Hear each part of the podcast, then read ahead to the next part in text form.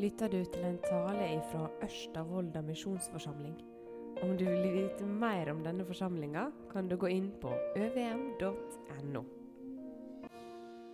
Vi er altså midt i en taleserie om Gud sitt hus. Det er derfor vi har dette huset her framme her. Dette huset her det har ikke så mange rom, men Guds hus har mange rom. Fram til nå i vår så har vi brukt litt tid på å se på noen av linjene i Bibelen som sier noe om Guds hus. Vi har sett at tabernaklet, dette teltet som de hadde i ørkenen, og tempelet som israelsfolket hadde, det er nå blitt erstatta. Etter at Jesus kom, så blir Jesus sjøl og hans folk beskrevet som Guds hus. Det vil si at Som kristne så kommer vi ikke til dette huset her eh, fordi dette huset som vi sitter i nå, i seg sjøl er hellig. Men på denne plassen så vil vi komme sammen som Guds sitt folk. Og det er dette bygget satt av til. Det er satt av til at uh, Guds sitt folk skal komme sammen. Og Når vi gjør det, da er vi levende steiner i Guds sitt hus. Og så kommer vi sammen for å motta nåde, for å få tilgivelse for synd, for å høre Hans sitt ord, for å tilbe og for å samles som Guds sitt folk, hans kropp. Og Der som kristne samles, der er vi et tydelig tegn for verden rundt, for de som ikke kjenner Jesus, om at Gud han er fremdeles å finne. Det er noen som har funnet ham, og så tilber de ham. Jesus han snakker om en by en gang som ligger på et fjell, og at den ikke kan skjules. Den er synlig for alle. Og Så sier han eh, i nærheten av den teksten som vi skal ha i dag, at når de ser hvordan dere elsker hverandre, da skal de forstå at dere er mine disipler. På samme måte som tempelet i israelsfolket i Jerusalem, dette store, ruvende bygningen, skulle være et tegn for israelsfolket om at Gud er til stede, så skal vi, alle vi som tror på Jesus, vi skal være noen som peker videre på Jesus. Vi skal være et tegn som viser at Gud han er å finne. Han kan du komme til, og han kan du tilbe. Og det er noe som blir tydeligere og tydeligere og tydeligere jo mørkere det er rundt oss. Den byen som ligger på et fjell, den blir ekstra synlig når det er helt mørkt. Og når vi hører om våre brødre og søstre i Ukraina eller i Polen, som står midt i disse ufattelig krevende situasjonene, og så velger de å tjene sin neste midt i nøden, da lyser den byen der sterkt. Så peker han videre på Jesus. Nettopp dette det er noe av kjernen i identiteten vår som kristne. Vi skal peke videre på Han som vi tror på, og Han som vi tilber. Både med de ordene vi bruker, de ordene som vi sier, men òg med hvordan vi oppfører oss. Det står en plass at vi er Kristi velduft. Det skal lukte Jesus av oss. Og Det handler litt om hvordan vi velger å oppføre oss og være. Vi får vitne om Han når vi er preget av gudsrike verdiene. Og Grunnen til at vi skal gjøre det, og nå begynner jeg å komme til poenget, det er at hos Gud er det plass. Det er plass til flere i hans sitt hus. For i Bibelen der lærer vi om et hus, en heim, en himmel som vi skal komme til en gang når vi dør, som ligger der framme. Og Det har jeg lyst til å dele litt om i dag. Og Da skal vi ta utgangspunkt i en tekst som står i Johannesevangeliet, kapittel 14, og så er det vers 1-4 vi skal ta der. Og Da skal vi prøve å stoppe opp med tre punkter. Det første punktet det er, det er et hus. Det er et hus. Det andre er det at dette huset det har mange rom. Og det tredje det er at det er rom for deg der. Det er rom for deg i dette huset. Før vi leser teksten, så ber vi sammen.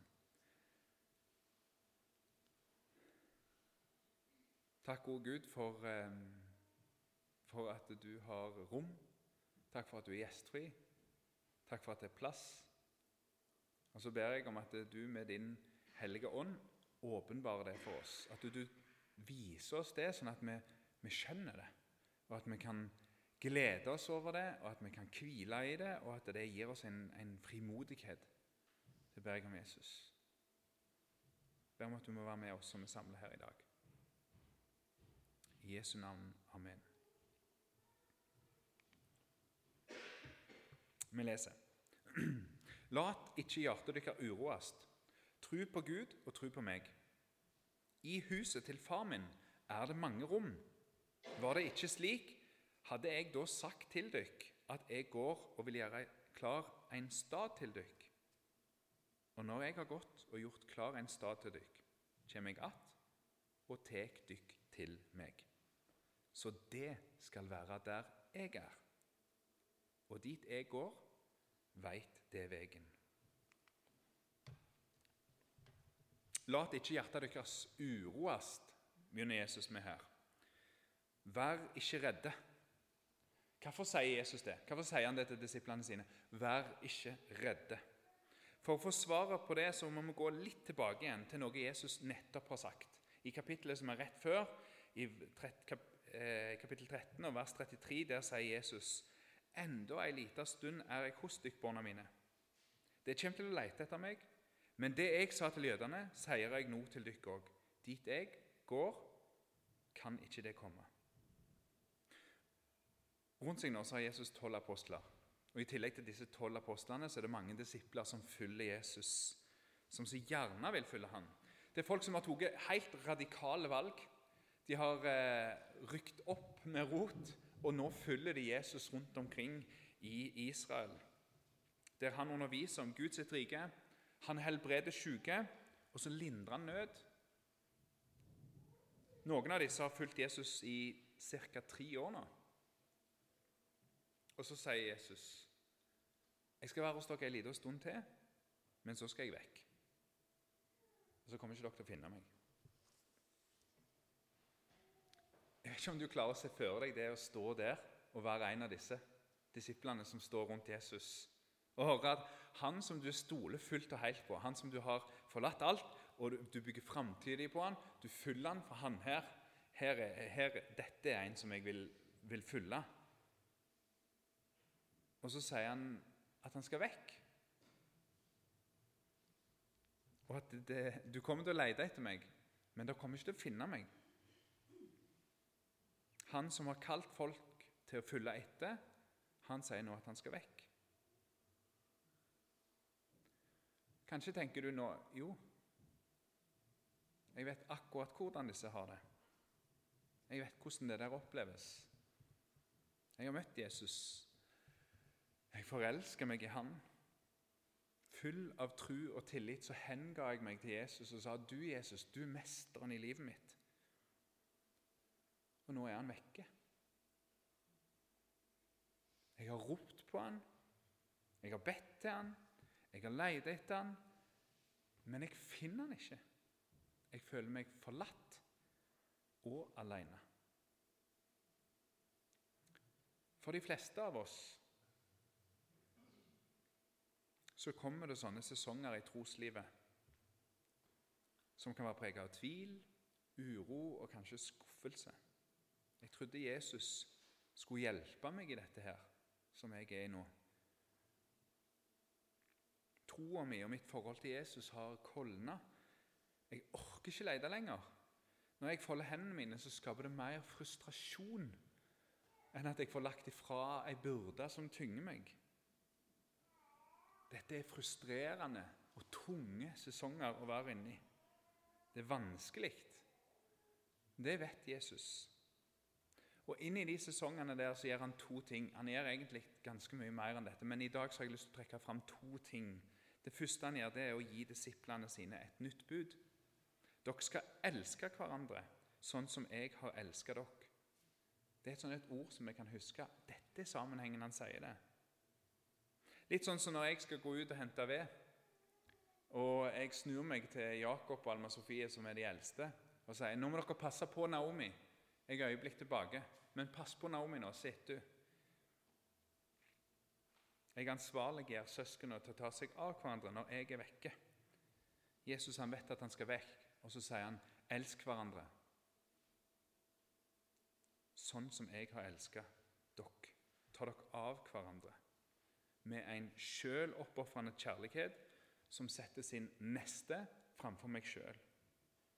Jesus han kaller oss til å være vikarer, til å være hender som holder hverandre oppe, munner som taler trøstende ord inn i livet til hverandre, og til hender som foldes for meg når jeg syns det er vanskelig å folde dem sjøl. Jesus inviterer oss til å knytte oss til det kristne fellesskapet i disse sesongene, og ikke holde det for oss sjøl eller trekke oss tilbake. Men det er ei tid der vi skal lene oss på søsknene våre, fordi de er hans kropp. De er hans hus her på jord, til stede. Han er her gjennom våre søsken. Og Det er en av grunnene til at vi anbefaler alle i vårt fellesskap til å være med i ei lita forening eller ei bibelgruppe. Hvis du ikke er med i det, så har vi lyst til å sterkt anbefale deg å være med det. Det er ikke disse gruppene eller den strukturen som skal bære hele dette her greiene her. Den søskenkjærligheten den skal være noe som går på tvers av disse. Men allikevel, det å ha en plass der du hører til, det er en praktiske ting som sørger for at det blir enklere å se hverandre og elske hverandre. Elsk hverandre, det er det første han sier. Men han sier noe mer. Han kommer med et håp og ei stadfesting. Det er et hus blant søsknene dine her, men òg der framme. Og så kaller han oss til å stole på noe som vi ikke kan se. Lat ikke hjertet deres uroes. Tro på Gud og tro på meg. I huset til far min er det mange rom. Var det ikke slik, hadde jeg da sagt dere at jeg går og vil gjøre klar en stad til dere. Jesus han vet at disiplene skal sitte igjen uten at vi har Jesus rett framfor oss, sånn at vi kan ta og føle på han og kjenne han. Og Han vet at det er noe som skaper uro hos oss når håpet vårt er fjernt for oss. Men han peker framover. Han peker mot en heim, et hus, og så sier han noe om hvorfor han er vekke. Han gjør i stand en stad til oss. Akkurat her så sier han ikke så mye om hva plass dette her er. Hvordan denne plassen ser ut, det er ikke poenget her. Men ellers i Bibelen så får vi vite ganske mye om det huset som ligger der framme. Først og fremst så er den nye himmel og nye jord beskrevet med hva den ikke er for noe. I åpenbaringsboka leser vi at sorg, død, smerte, tårer, sykdom og det vonde, det skal være vekke. Det er ikke der. Det er det ikke plass til i Guds hus. Og Jo mørkere det er rundt oss, jo tydeligere blir det for oss at det er ikke dette mørket her vi er skapt for. Det er ikke sånn det er meint at det skal være. Kroppene våre de skulle være friske, de. De skulle fungert. Det skulle ikke vært krig. Det er feil med krig. Den forferdelige opplevelsen det er å bli skilt fra de vi elsker pga. død, det er ikke det vi er skapt til. Det var ikke meninga. Jesus han sier at han gjør klar en plass til oss der disse tingene er vekke. Og Så finner vi i åpenbaringsboka noen billedlige uttrykk som beskriver denne plassen med gull og juveler og diamanter og det perler og det flotteste som fins. Altså, det er svulstige beskrivelser som sier oss at dette er så bra dere klarer ikke å fatte det. Nå tar vi liksom det fineste som fins her på jord, og så prøver vi. Men dere kommer ikke til å fatte hvor nydelig det er her.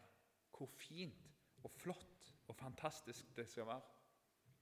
Hvis du går til 1. Korinterbrev, kapittel 15, så blir det tydelig gjort at denne, denne plassen er ikke en sånn en fluffy plass der vi liksom skal hoppe fra sky til sky og liksom Nei, det er håndfast. Det er konkret. Vi skal stå opp. Vi skal stå opp med kroppene våre. De skal være herliggjort. Kroppene våre skal være annerledes. De skal ikke være preget av synd, skrøpelighet, veikskap eller sykdom. Men med disse føttene her, de skal jeg grave ned i sanden og kjenne sanden mellom tetene. Konkret er det. Fysisk så skal jeg nyte Guds skaperverk der. Strand eller kyst det er faktisk et uttrykk som har blitt brukt i kristen poesi opp gjennom alle tider for å si noe om denne plassen. Fordi denne plassen skal være en hvilestad. Du senker skuldrene, og du kan hvile.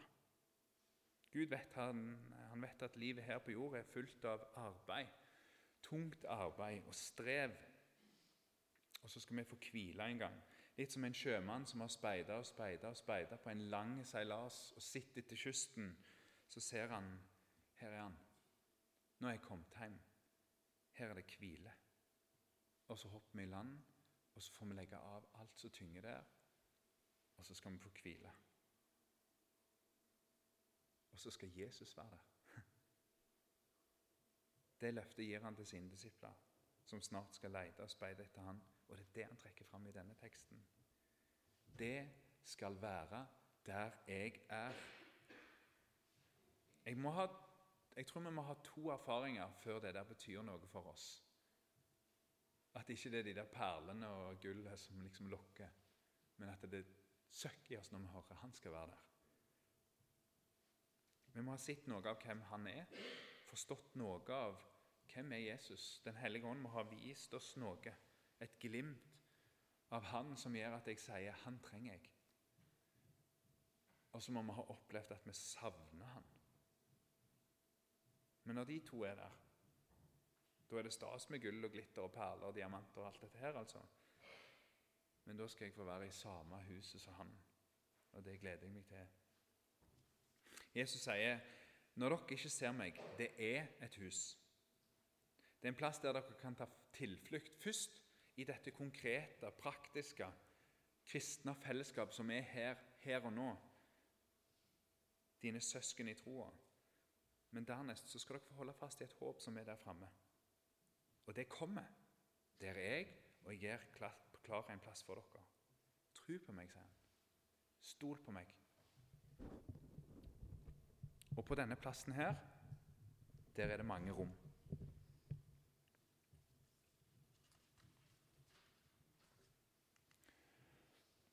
Når jeg har jobba med denne teksten, her, så blir jeg mer og mer Jeg syns det er påfallende da, at Jesus her trekker fram at det er mange rom. Hvorfor gjør han det? Han har en intim samtale med sine disipler, med sine nærmeste, og så beroliger han dem om at de kan stole på ham, at det kommer til å være en plass som han er på, som han gjør klar for oss. Men midt inni dette så vektlegger han størrelsen på plassen. Det er mange rom. Det er god plass, så du trenger ikke være urolig. Jeg tror Jesus forbereder disiplene sine på det omfattende arbeidet som de nå skal inn i. Om ikke lenge så skal Jesus dø på et kors. Jesus han skal ta dommen for all skyld og synd i denne verden. Og Så skal han stå opp igjen fra de døde, og etter noen dager så står han på et fjell og sier til sine Gå ut. Inviter inn, fortell om meg, forkynn og pek. For her er det plass til flere. Jeg pleier av og til å spørre meg når jeg leser noe i Bibelen Hvordan hadde det sett ut hvis dette ikke sto her? Hvis dette som jeg leste her, ikke var der? Hvordan hadde kristentrua sett ut da? Hvis det ikke hadde stått at i huset til far min der er det god plass, da tror jeg den kristne, eller den kristne trua, eller vi som er kristne, vi hadde blitt ei sekt. Vi hadde blitt ei sekt der vi bare inviterer inn våre aller nærmeste. Jeg tror jeg hadde prøvd å holde det skjult for mine naboer hvem jeg trodde på. Jeg ville ikke at de skulle vite det, sånn at de ikke skulle ta min eller ungene mine sin plass. Vi ville gjort det vi kunne for å skjule trua vår for vår neste. Kanskje hadde vi òg tenkt at eh, i dette huset var det bare plass for eliten de aller beste, de Gud var mest glad i. Vi leser om dette huset beskrevet en annen plass i Det nye testamentet, der Jesus forteller om en mann som ville invitere inn til en stor fest og inviterte inn mange. Men én etter én så takka de nei til å komme. De kunne ikke komme til denne festen. Og Responsen til denne herren den var som følger. Da ble husherren sint og sa til han, Gå straks ut på gater og torg i byen og hent inn fattige og uføre, blinde og lamme. Tjeneren kom att og sa, Herre, jeg har gjort som du sa, men ennå er det mange rom. Da sa Herren til tjeneren, Gå ut på veiene og stigene og nøyd folk til å komme inn, så huset mitt kan bli fullt. For det sier jeg dere, ingen av de som var bedne, skal få smake festmåltidet mitt. Denne teksten som jeg leste nå, den kommer i kapittelet etter det som var søndagens tekst, som Maisa leste tidligere. Der vi hører at husherren på et tidspunkt reiser seg, og så sier han nå er døra stengt. Nå er det ferdig. Nå er denne tidsalder forbi, og folk har blitt invitert inn for siste gang. Og Jeg tror at denne kommer rett etterpå nå, fordi at meg og deg skal lære at denne fortellingen om gjestebudet viser oss at det ikke handler om verken plass eller gjestfrihet hos Gud. Hans ønske er at huset hans skal bli fullt. Det er god plass. Det er plass til naboen din. Tenk på naboene dine. De er det plass til. Det er plass til kollegaen din. Det er plass til ungene dine. Det er plass til foreldre. Og det er plass til folk av alle folkeslag og typer.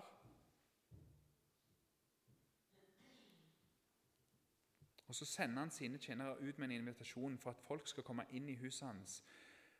Både det huset som er her, med trussøsken som elsker hverandre og som tar seg av hverandre, og at vi kan velsigne hverandre gjennom det, men òg der framme, i det huset som Jesus peker fram på i min fars hus er det mange rom, og han ønsker at det skal bli fullt. På et vis er det ikke naturlig å slutte her på en sånn tone. Del dette med andre. Det er litt av og til påfallende at det er der vi stopper her i en misjonsorganisasjon. Jo, det er en god plass å slutte. Det er det. Å si noe om at vi må invitere andre inn.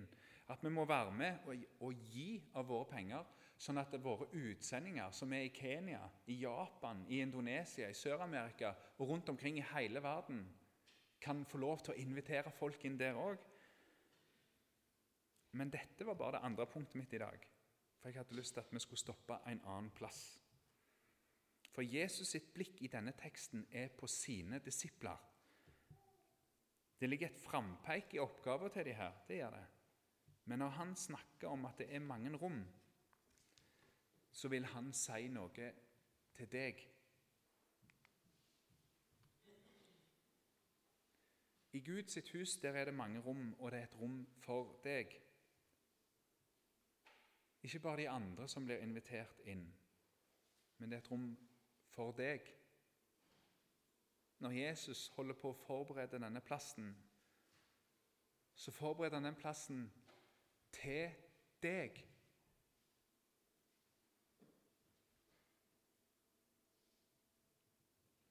Ikke bare til den som sitter på siden av deg, eller til den som er sånn som du tenker at du burde være, men det er gjort klar for deg. Når Jesus en gang kommer tilbake, så ønsker han at du skal være med, og at du skal være der han er. For han elsker deg.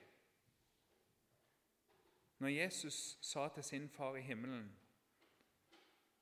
at 'jeg vil gjøre det jeg skal, er kalt til', 'jeg skal fullføre det sånn som du vil' Når han blir pint til døden og dør, da var det av dine synder òg. Han bar dem. Fordi han visste at det som skulle til for at du skulle finne veien fram til huset, og at du skulle kunne komme helt fram, det var at han måtte dø for deg. Thomas tvileren han sier, etter at Jesus sier 'og dit jeg går, veit det veien', så protesterer Thomas. Men vi vet jo ikke hvor det går. Og hvordan skal vi finne veien? Da sier Jesus, 'Jeg er veien, sanninga og livet'. I Gud, vår far sitt hus, Han som har skapt alt rundt oss, der er det mange rom, og det er rom for deg.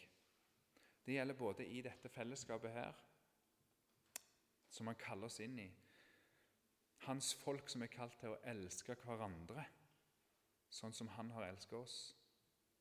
Der er det rom. Og så er det rom for deg til å hvile i Hans løfter om den plassen som ligger der framme, med hvile, fred og glede i en evighet med Han. Der er det plass til deg. Ja, men hvordan finner jeg veien? Se på Jesus. Ta Lukk øynene dine, og så henter du fram alt du vet om Han. Alt du har hørt om Han, om hvordan Han er, hva Han gjorde, og hva Han sa. Så tenker du på det. Han er veien. Han er sannheten, og han er livet. Og hos han er det mange rom. Kom til ham. Takk, Herre, for disse to husene. Takk for at når jeg har det vanskelig, så har du hender og hoder og munner rundt meg som kan trøste meg og hjelpe meg. Jeg ber om at du må hjelpe oss til å være lydige i det, sånn at vi kan få oppleve din velsignelse gjennom hverandre. Takk med deg for det håpet som du har der framme, der det ikke skal være noe krig, der det ikke skal være død, der det ikke skal være smerte. Der vi endelig skal få se deg og ta deg i hånda og få tilbe deg sånn som du skal tilbes. Vi priser deg for at du har gjort det sånn. Takk, Jesus.